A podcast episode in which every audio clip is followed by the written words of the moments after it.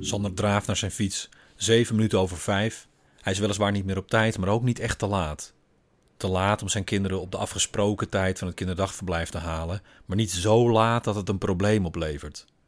Pas om half zes gaan daar de waterige aardappels op tafel en maken ze noodgedwongen gebruik van het duurdere pakket opvang inclusief avondeten. Maar ze eten thuis. Hij zal het precies redden. Met zijn tas om zijn schouder vouwt hij zijn colbertje alvast op. Twee keer dubbel, vooronder in de fietstas. Hij zou best wat eerder naar huis kunnen gaan. Dat zou het KDV fijn vinden. Of hij zou dag en nacht door kunnen werken zonder dat zijn stapel met dossiers er ooit door zou slinken. Hij wil het allebei niet. Hij wil werken binnen werktijd. Niet omdat hij daarbuiten niet betaald wordt, maar voor Sander is elke dag pijnlijk duidelijk wat er van ons overblijft als we ons niet houden aan regels. Vanochtend, starend in zijn derde en dus laatste bakje koffie, besefte hij ineens wat zijn baan inhield: zoeken naar de schaduw van een schurk. Bepalen of zij, de mensen achter de nummers, fouten maken omdat ze de regels niet kennen, niet begrijpen of niet belangrijk vinden en daardoor fraude plegen. 90 tot 96 procent van die dossiers bevat geen fouten. Sander krijgt de 4 tot 10 procent op zijn bureau. Van die dossiers heeft 70 procent geen kwaad in de zin gehad, maar dat is niet de vraag. Kwade opzet staat niet in formulieren.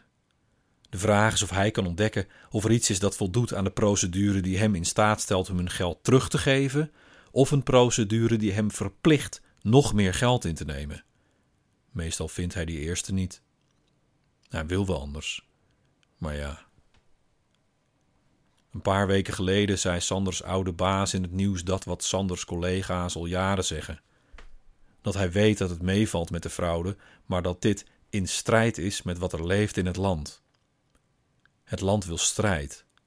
Tegen buren die misschien meer krijgen dan een ander. Maar een strijd zonder vijanden kun je niet winnen. Dus moet Sander een vijand vinden. De mensen bellen hem op om te vertellen dat de dienst een fout heeft gemaakt, maar dat is irrelevant. Ze zijn zelf de fout geworden door in een risicogroep te zitten. Ze vertellen hun namen, maar die zeggen hem weinig. Hij wil ook geen patronen meer zien in die namen. Dat mag hij niet meer.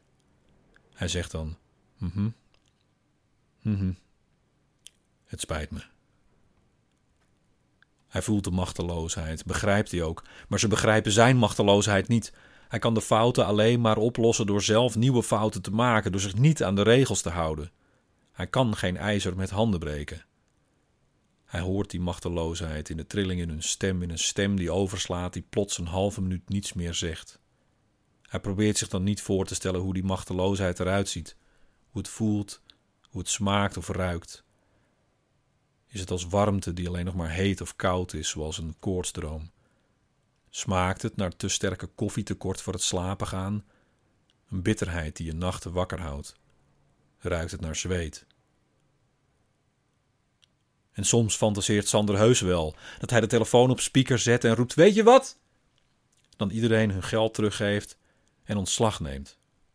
Maar na hem komt er dan een nieuwe collega die zijn werk moet herstellen en alles terugvordert met rente.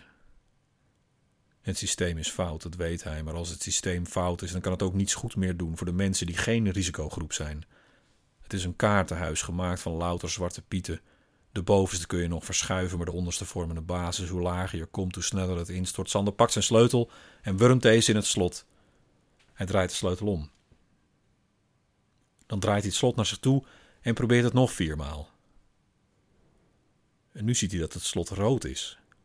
Een kabelslot. Hij heeft een zwart kettingslot. Hij kijkt naar het goedkope ding, het gevlochten metaal zichtbaar onder het gescheurde plastic.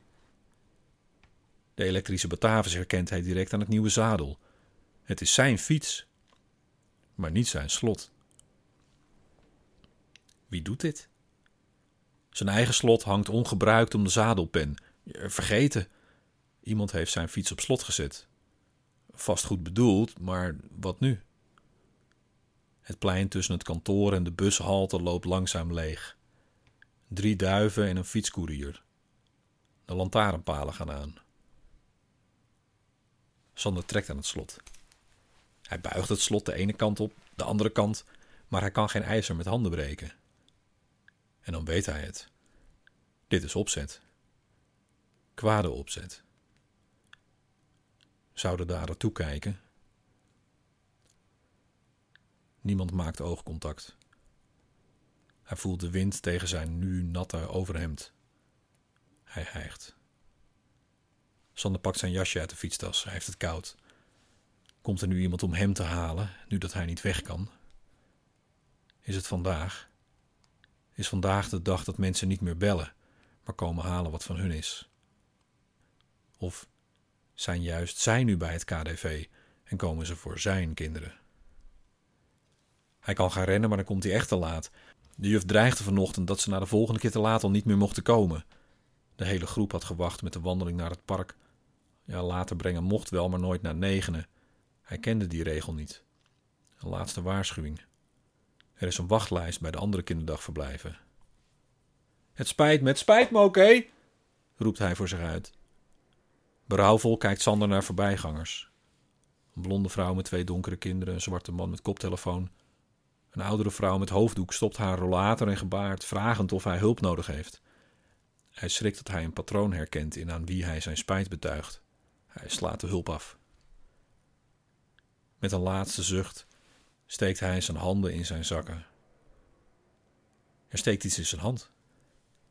Een tweede fietssleutel met Spider-Man sleutelhanger. De sleutel van het rode kabelslot van zijn zoon. Hij had haast vanochtend. Ging niet zoals het moest, zoals hij had gewild, zoals anderen het hadden gewild. En klik. Elf over vijf. Hij redt het nog.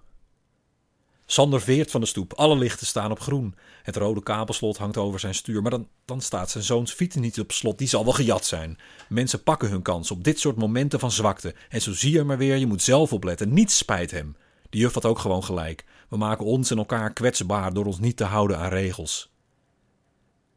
Sander trapt door en schakelt naar een hogere versnelling.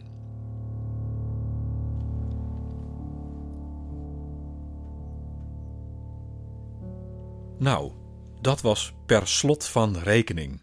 Het eerste verhaal van seizoen 2 van Zeg maar Bram, in samenwerking met doorklink.nl. Een volgende keer ga ik misschien nog eens in op deze thematiek, maar dan anders. Maar ik ben dit seizoen ook weer van plan ruimte te maken voor leuke dingen, zoals fastfood, hele dure koffie, hondenpoep en dierenmishandeling. En misschien heb jij wel een suggestie. Stuur mij ze dan vooral via Facebook of Instagram te vinden in de show notes van deze app waar je trouwens ook een review achter kan laten met je uitgebreide lofprijzingen of hatelijke geweldsfantasieën. Of je drukt gewoon op 1, 2, 3, 4 of 5 sterretjes. Het is immers bijna weekend. Maar bedankt voor het luisteren. Tot de volgende keer en tot het volgende verhaal.